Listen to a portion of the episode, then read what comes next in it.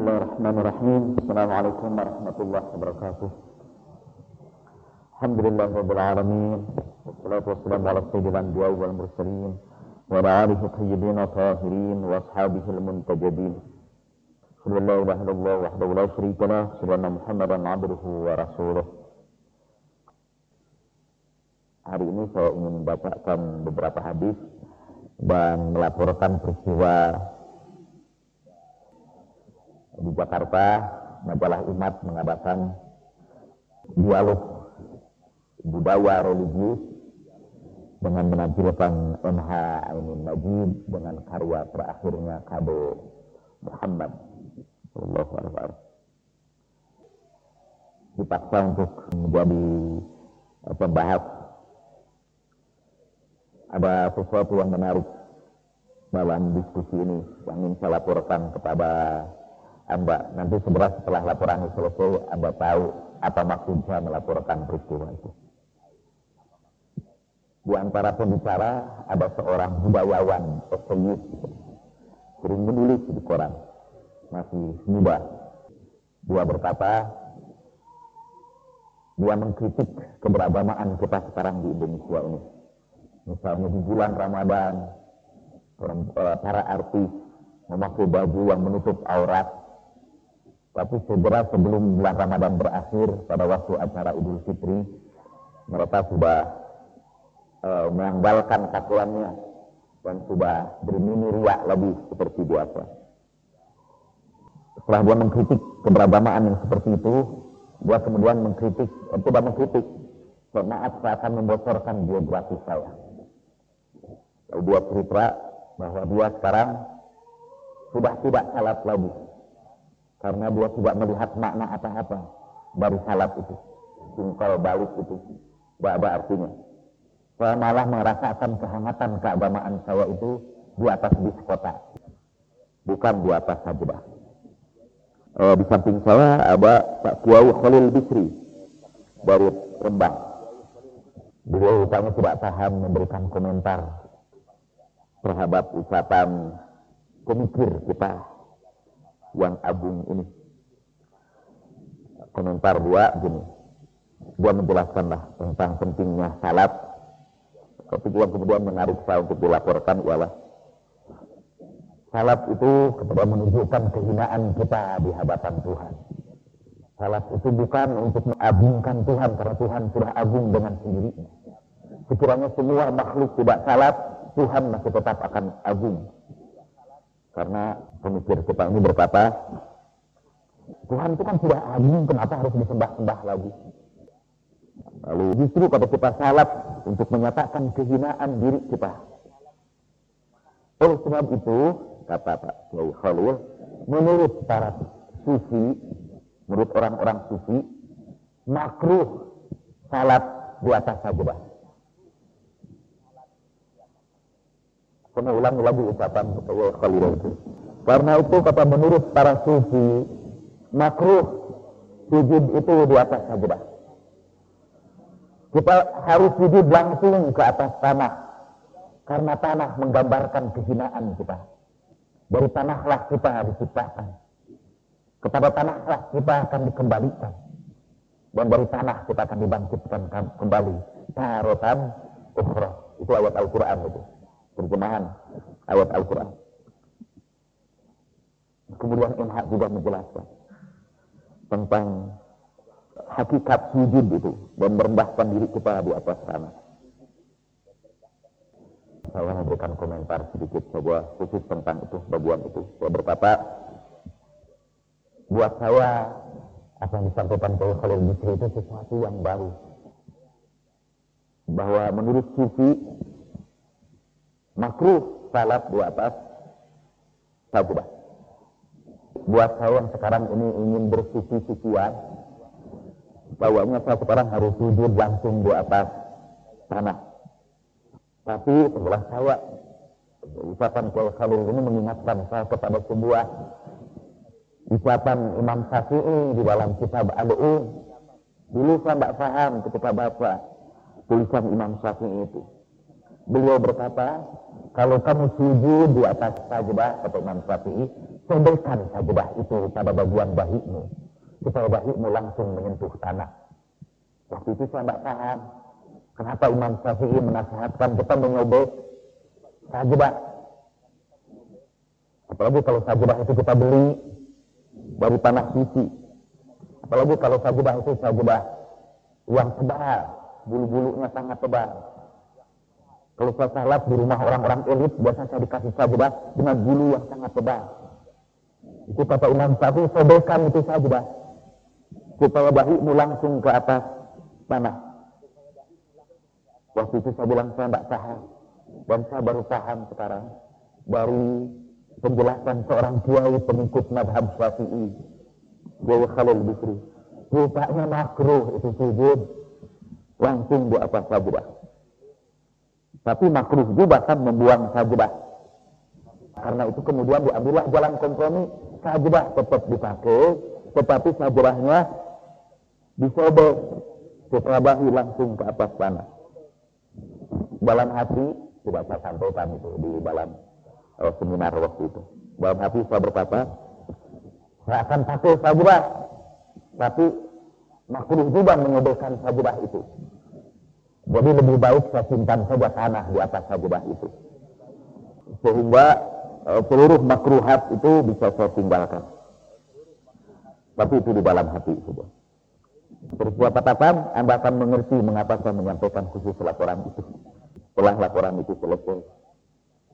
Tapi inti utamanya ialah bahwa ada pendekatan yang berbeda dalam beragama. Ada pendekatan secara filosofis seperti pendekatan pemikir kita. Yang mendekati semuanya dari perspektif akal. Dengan mengutak atik otak dia makin kontroversial pendapatnya, makin tidak bisa diterima oleh orang banyak, makin inteleklah orang itu. Apalagi kalau kemudian menggunakan istilah-istilah postmodernisme, dekonstruksi, macam-macam. Nah, tapi ada juga satu pendekatan lain, yaitu pendekatan tasawuf. Orang tasawuf menjalankan ibadah, menjalankan sholat, bukan dengan mencari-cari untuk apa salat itu dengan akal pikirannya tapi dia melihat salat itu sebagai satu upaya untuk mendekatkan diri kepada Allah Subhanahu wa taala dengan menghilangkan seluruh ketinggian dirinya dan dengan merendahkan dirinya di hadapan Allah Subhanahu wa taala. Kalau dengan menggunakan istilah Nabi dengan mentanahkan dirinya Pernah satu hari Rasulullah Shallallahu Alaihi Wasallam masuk ke masjid, menemukan seorang sujud di atas serbannya. Jadi serbannya dihantarkan begitu, dia sujud di atas serbannya. Rasulullah tarik serbannya.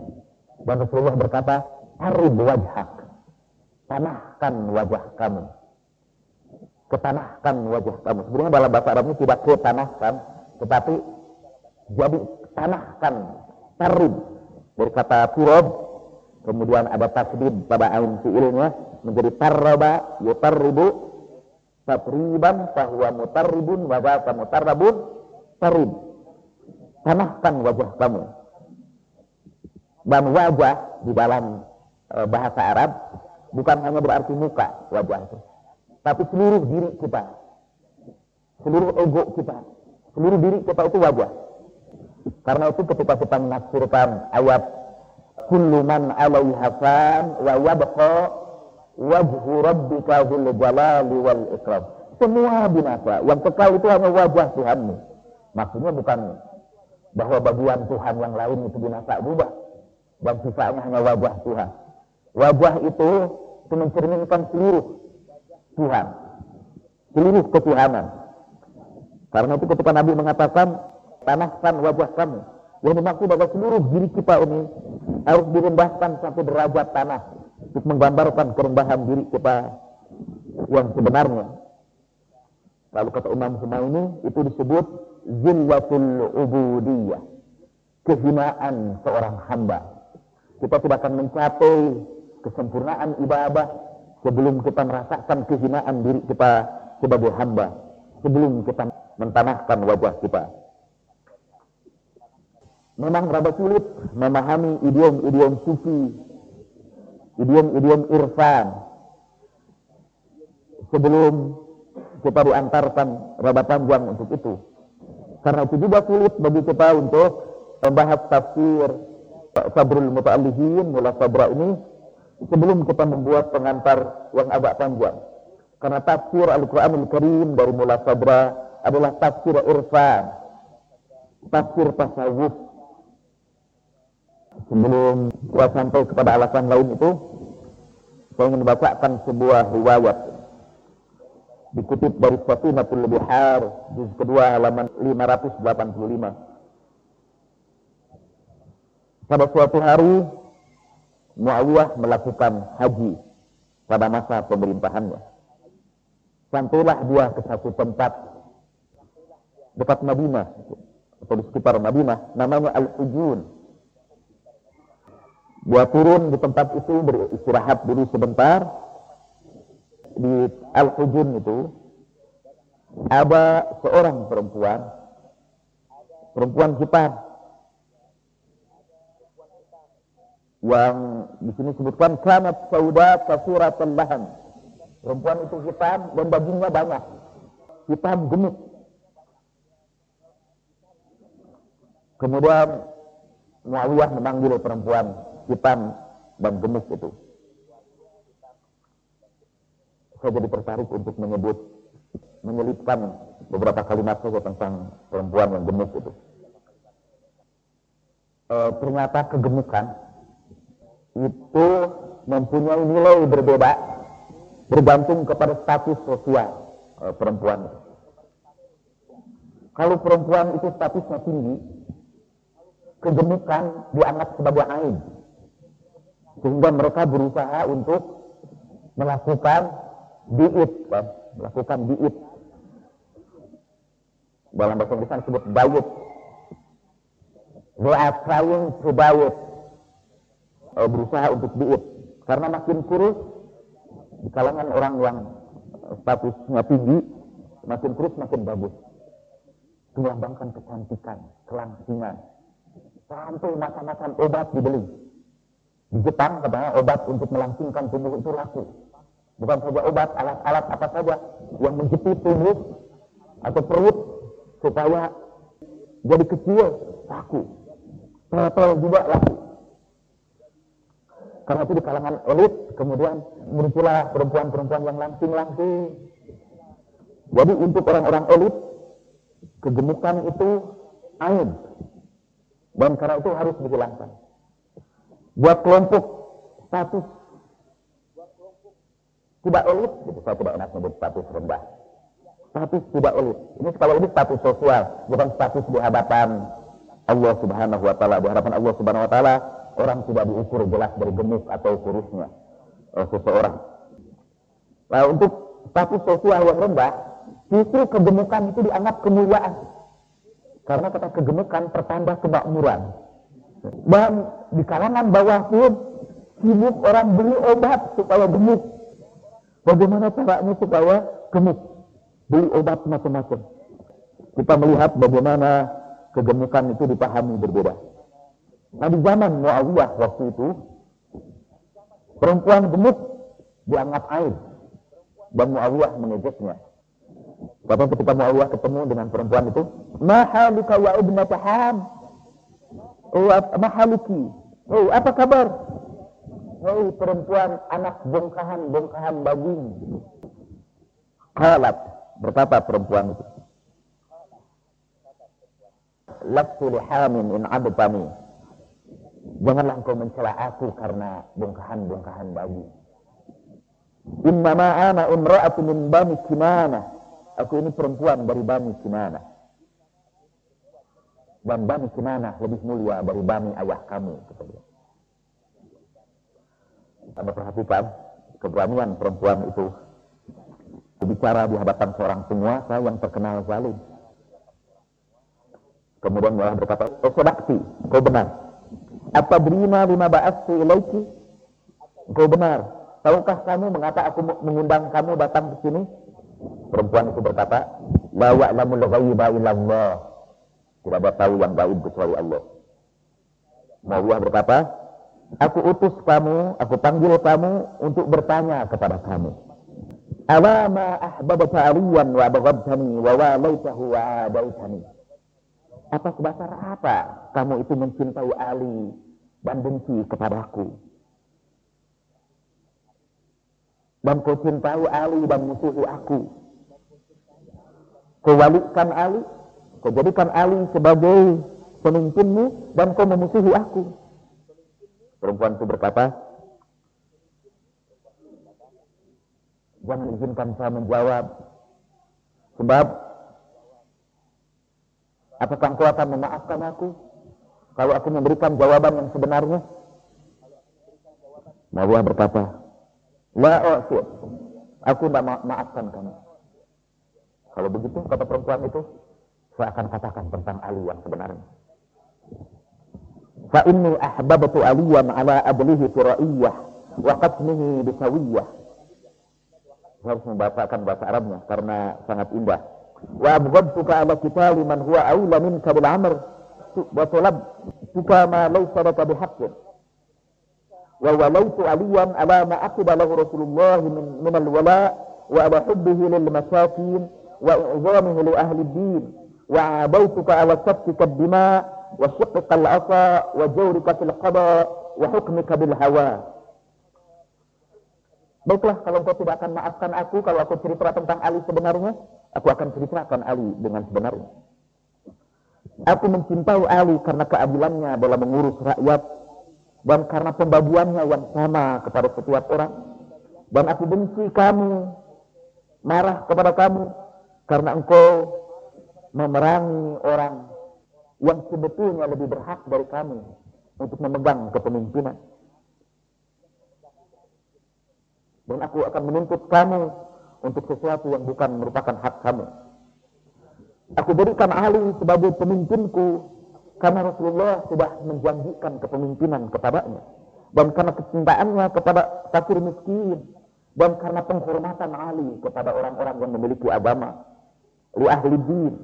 Aku musuhi engkau karena engkau tumpahkan darah dan karena engkau timbulkan perpecahan di kalangan kaum muslimin karena kekejamanmu di dalam mengadili dan karena keikutan kamu kepada hawa nafsumu. Marahlah kamu Allah dan berkata, "Falidzalik intafah khabatunuk." Kalau begitu, karena ucapan kamu itu, nanti perut kamu akan meledak. Kalau ya haba Kala Muawiyah, ya Habib, urba'i, rendahkan suara kamu itu. Fa inni lam nakul illa khaira. Karena kami, kata Muawiyah, tidak pernah berkata kecuali yang baik-baik saja. Karena dianggap orang itu ngomongnya tidak bagus, kasar. Dan Muawiyah mengatakan, rendahkan suara kamu itu, jangan terlalu kasar gitu. Kami ini orang yang tidak pernah bicara kecuali yang baik-baik aja. Perempuan itu balik, tapi kemudian Allah memanggil lagi. Wah hadis. Hal ra'aita aliyan. Hei perempuan.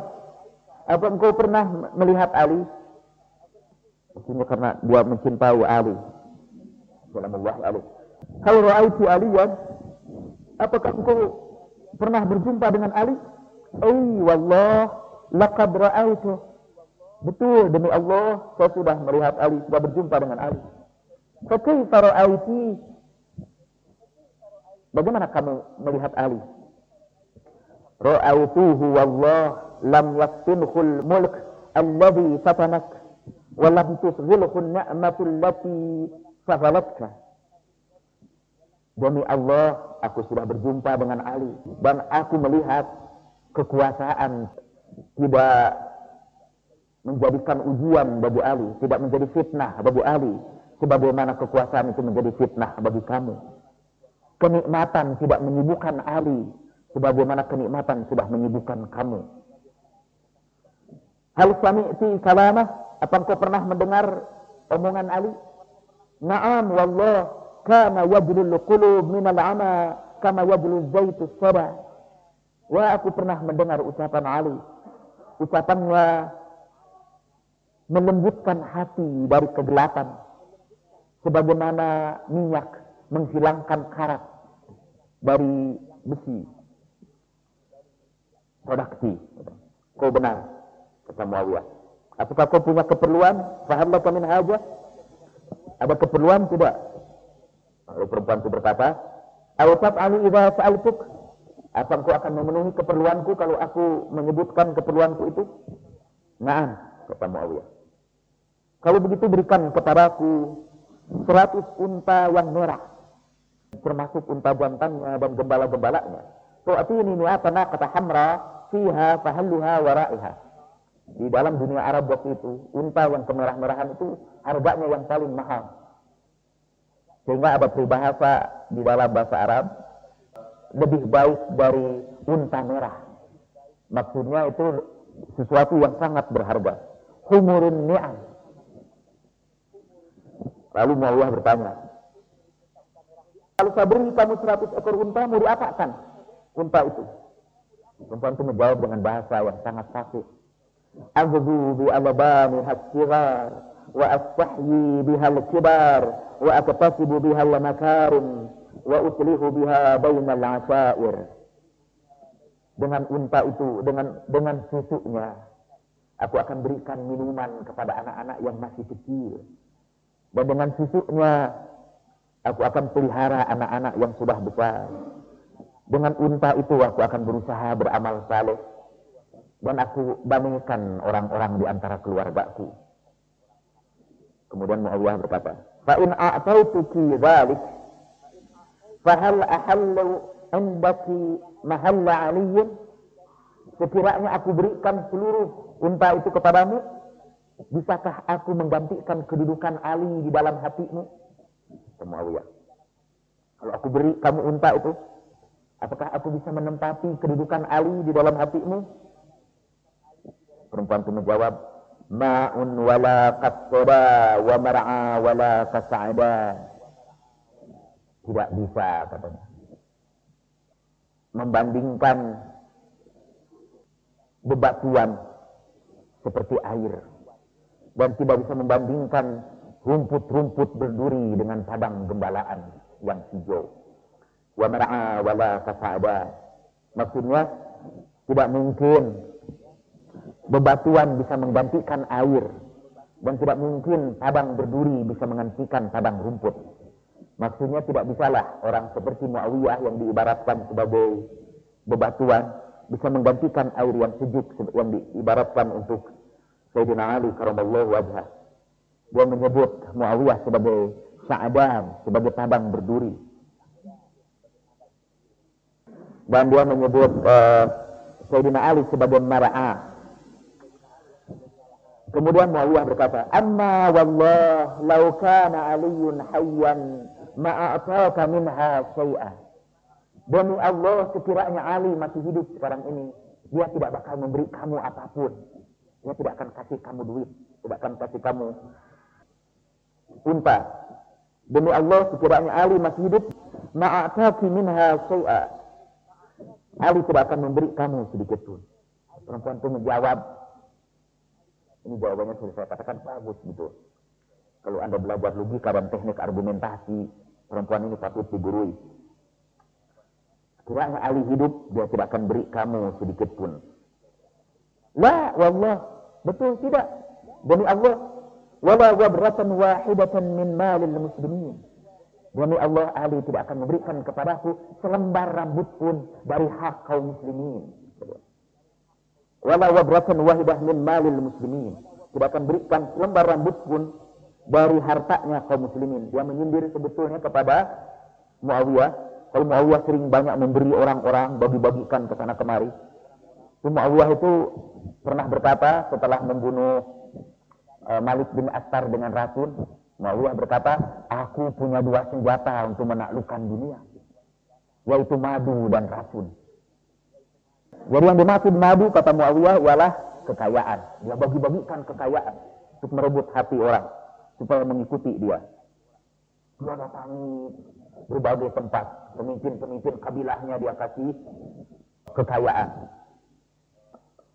Eh, pemimpin-pemimpin kabilah lah yang dia datangi, dia kasih kekayaan dan sebagainya. Dan kalau tidak bisa ditaklukkan dengan itu, dia taklukkan dengan racun. Seperti Malik Al-Asfar itu. Salah seorang panglima Sayyidina Ali. Karena tidak bisa dibujuk dengan kekayaan. Oh, dia dibunuh dengan racun. Dan kekayaan yang dibagi-bagikan sebenarnya bukan kekayaan Muawiyah, itu kekayaan kaum muslimin. Dan itulah yang tidak bisa dilakukan oleh Sayyidina Ali karamallah wajah ketika beliau berkuasa. Ketika adiknya sendiri Akil meminta bagian lebih. Kemudian Sayyidina Ali berkata, kamu datang nanti malam, saya kasih kamu. Malam-malam Akil datang dan Ali bawa besi yang bernyala. Disuruh Akil memegangnya sampai menjerit.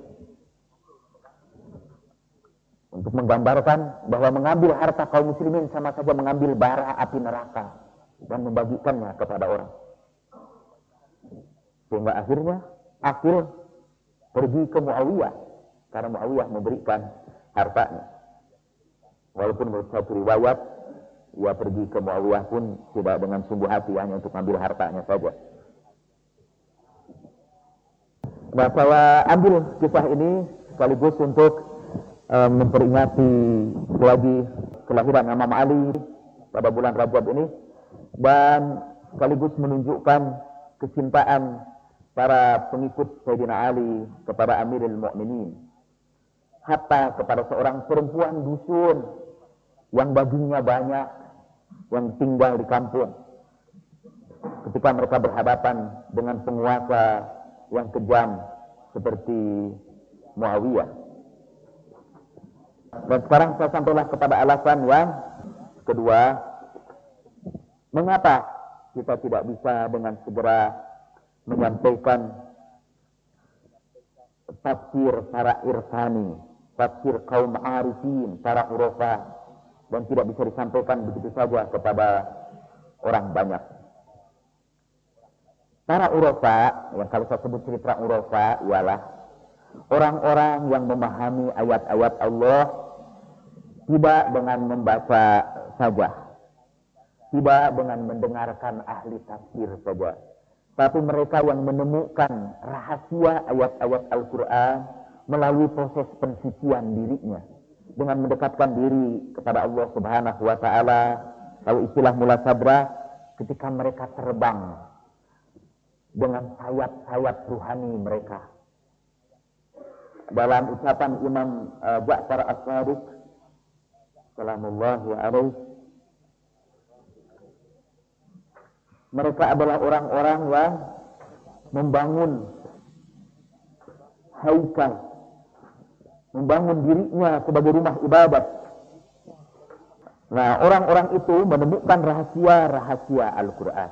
Mereka memperoleh berbagai anugerah Allah yang disebut karamah.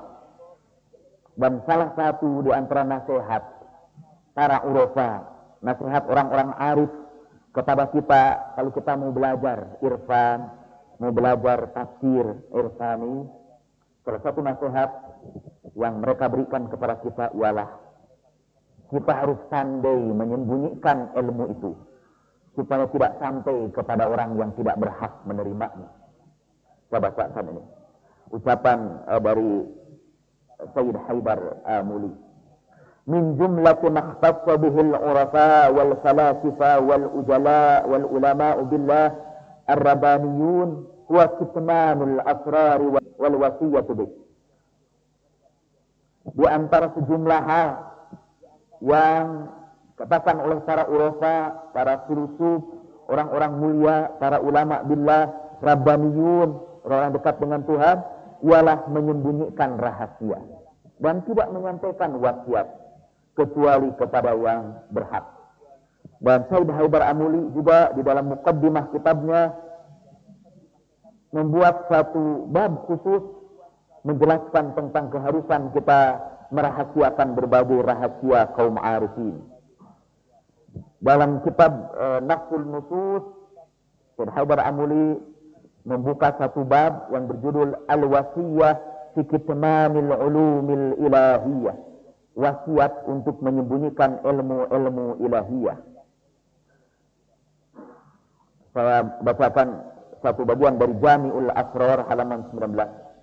Asrarullah ta'ala kulluha amanatuhu fi aradihi wa qulubi awliya'ih.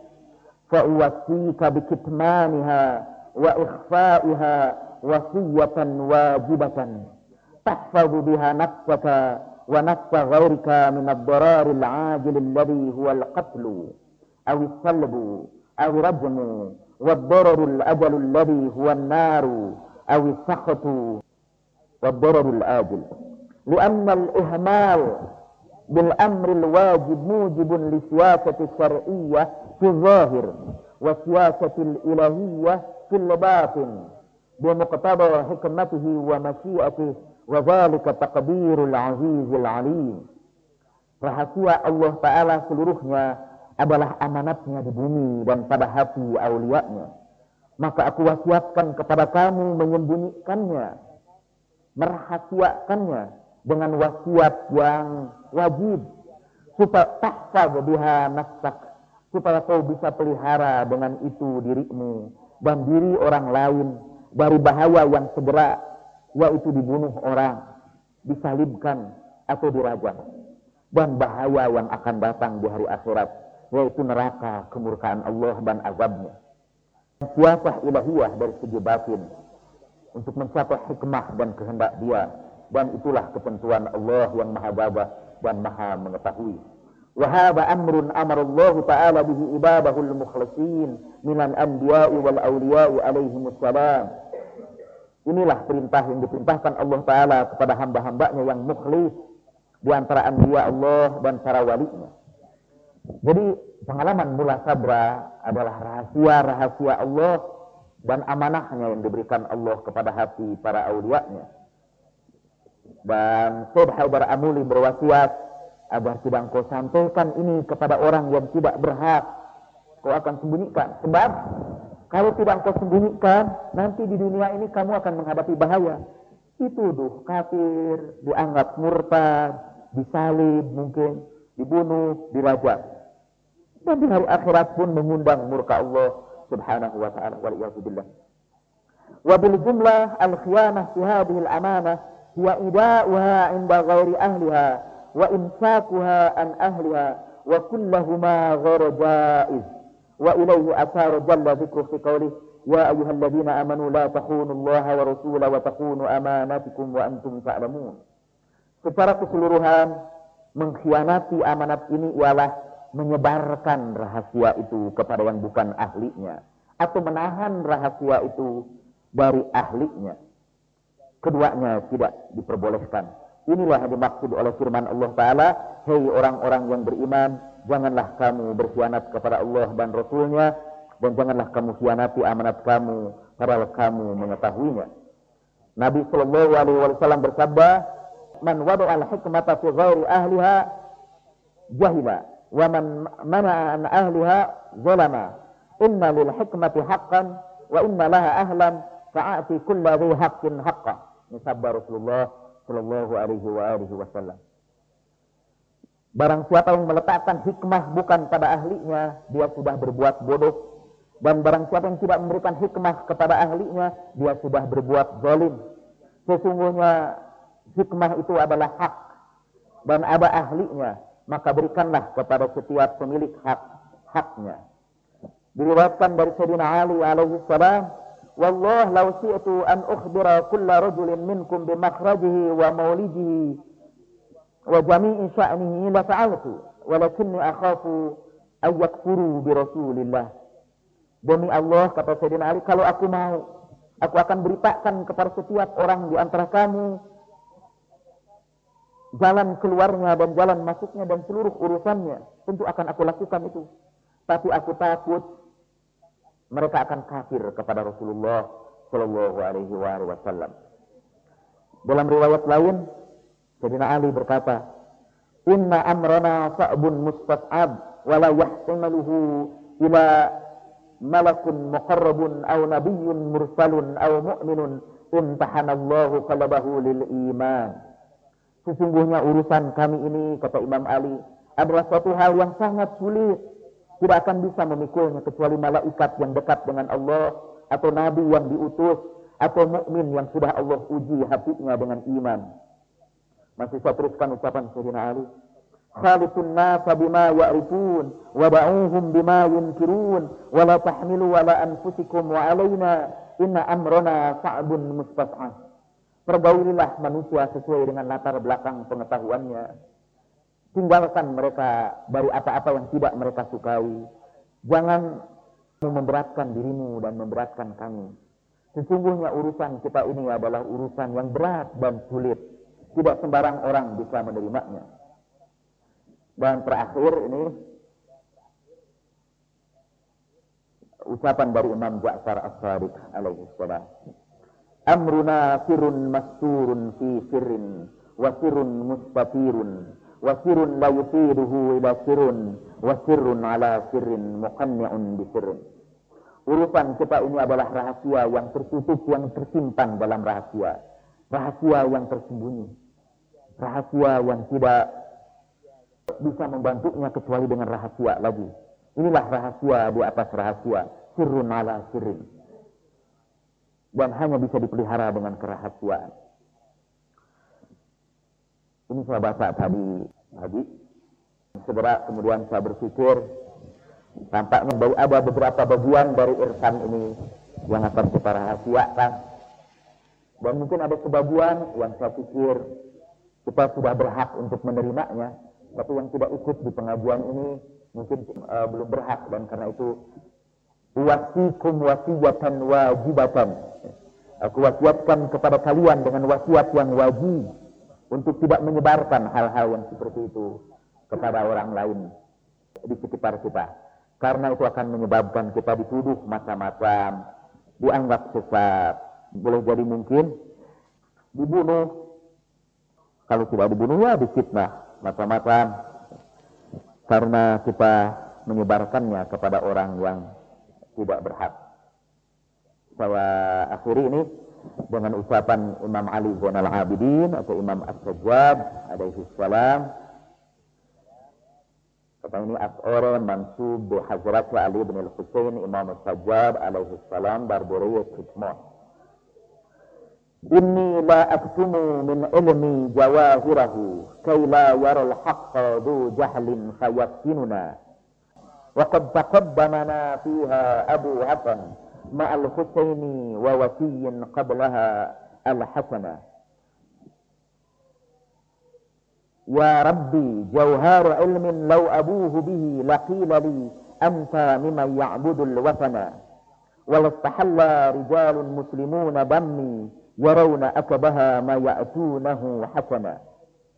Ucapan Imam Ali Zainal Abidin. Sesungguhnya aku menyembunyikan dari ilmuku yang sejatinya, intinya. Supaya orang-orang yang bodoh tidak melihat yang benar, sehingga kemudian memfitnah kami. Sudah berlaku seperti itu pendahulu kami Abu Hasan, itu Sayyidina Ali, beserta Hussein, dan e, wasi sesudahnya yaitu Hasan. Wahai Tuhanku, inti dari ilmu ini seandainya aku sebarkan, mereka akan berkata tentang aku, engkau termasuk orang yang menyembah berhala. Dan kaum muslimin akan menghalalkan darahku. Dan mereka akan melihat apa yang mereka percayai sebagai kebaikan. Keburukan yang mereka wakini sebagai kebaikan saya sudah baca pendapat para urofa lainnya tentang menyembunyikan e, beberapa rahasia itu. Kalau ini terlalu abstrak buat Anda semua, e, maka mungkin yang bisa saya katakan ialah ada beberapa bagian dari pengajuan kita di sini ini yang tidak sepatutnya Anda sebarkan kepada orang lain. Yang kalau menurut pandangan Anda, dia belum cukup prasyarat untuk mengikuti itu Kan kuliah saja ada kuliah prasyaratnya. Hal-hal yang seperti itu tentu tidak sepatutnya kita sebarkan di kalangan uh, kaum muslimin yang belum sampai kepada uh, kedudukan yang seperti itu. Dalam bagian-bagian yang seperti itu termasuk menurut saya beberapa hal berkaitan dengan sahabat-sahabat Nabi kita kan sering kali bersemangat untuk menunjukkan ketinggian ilmu kita Lalu kita sebarkan beberapa hal berkenaan dengan sahabat Nabi yang tidak lawat kita sebarkan. Lalu orang-orang akhirnya menuduh kita mata-mata.